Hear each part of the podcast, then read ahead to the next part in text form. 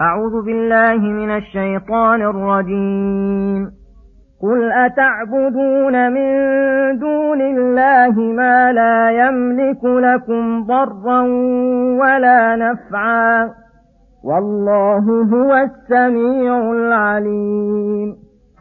قل يا أهل الكتاب لا تغلوا في دينكم غير الحق ولا تتبعوا أهواء قوم قد ضلوا ولا تتبعوا أهواء قوم قد ضلوا من قبل وأضلوا كثيرا وضلوا عن سواء السبيل.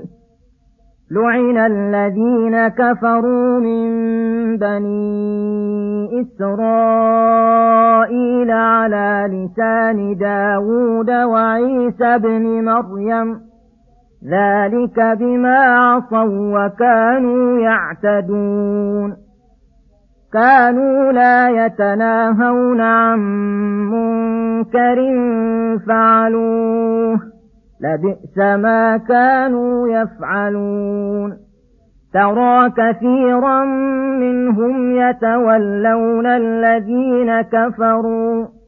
لبئس ما قدمت لهم أنفسهم أن سخط الله عليهم وفي العذاب هم خالدون ولو كانوا يؤمنون بالله والنبي وما أنزل إليه ما اتخذوهم أولياء ولكن كثيرا منهم فاسقون. بسم الله الرحمن الرحيم. السلام عليكم ورحمة الله وبركاته. يقول الله سبحانه قل أتعبدون من دون الله ما لا يملك ما لا يملك لكم ضرا ولا نفعا الله هو السميع العليم.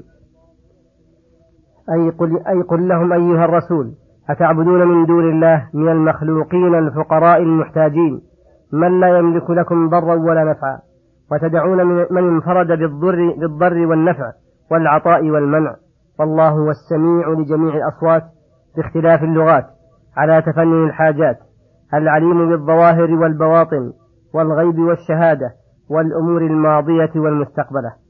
فالكامل تعالى الذي هذه أوصافه هو الذي يستحق أن يفرد بجميع أنواع العبادة ويخلص له الدين.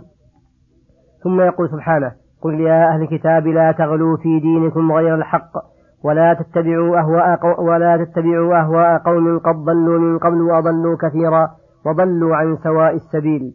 لعن الذين كفروا من بني إسرائيل على لسان داود وعيسى بن مريم ذلك بما عصوا وكانوا يعتدون. كانوا لا يتناهون عن منكر فعلوه لبئس ما كانوا يفعلون. الآيات.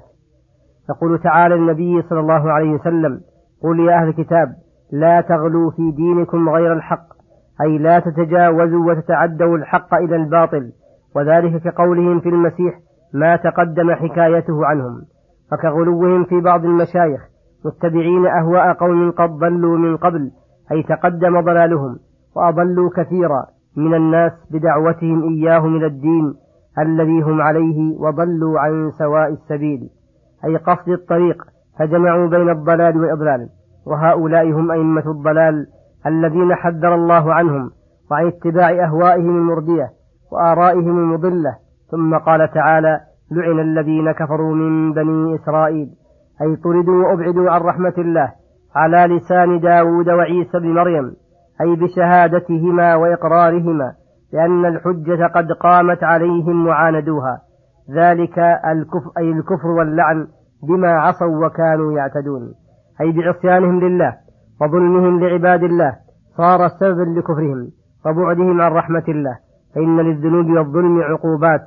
ومن معاصيهم التي من معاصيهم التي أحلت بهم المثلات أوقعت بهم العقوبات أنهم كانوا لا يتناهون عن منكر فعلوه أي كانوا يفعلون المنكر ولا ينهى بعضهم بعضا فيشترك بذلك المباشر وغيره الذي سكت عن النهي عن المنكر مع قدرته على ذلك. وذلك يدل على تهاونهم, تهاونهم بأمر الله وأن معصيته خفيفة عليهم فلو كان لديهم تعظيم لربهم لغاروا لمحارمه ولغضبوا لغضبه. إنما كان السكوت عن المنكر مع القدرة موجبا للعقوبة لما فيه من المفاسد العظيمة منها أن مجرد السكوت فعل معصية. وإن لم يباشر وإن لم يباشرها الساكت. فإنه كما يجب اجتناب المعصية فإنه يجب الإنكار على من فعل المعصية. ومنها ما تقدم أنه يدل على التهاون بالمعاصي وقلة الاكتراث بها. ومنها أن ذلك يجرئ العصاة والفسقة على الإكثار من المعاصي إذا لم يردعوا عنها فيزداد الشر وتعظم المصيبة الدينية والدنيوية ويكون لهم الشوكة والظهور. ثم بعد ذلك يضعف أهل الخير عن مقاومة أهل الشر حتى لا يقدروا على ما كانوا يقدرون عليه أولا. ومنها أنه بترك الإنكار للمنكر يندرس العلم ويكثر الجهل.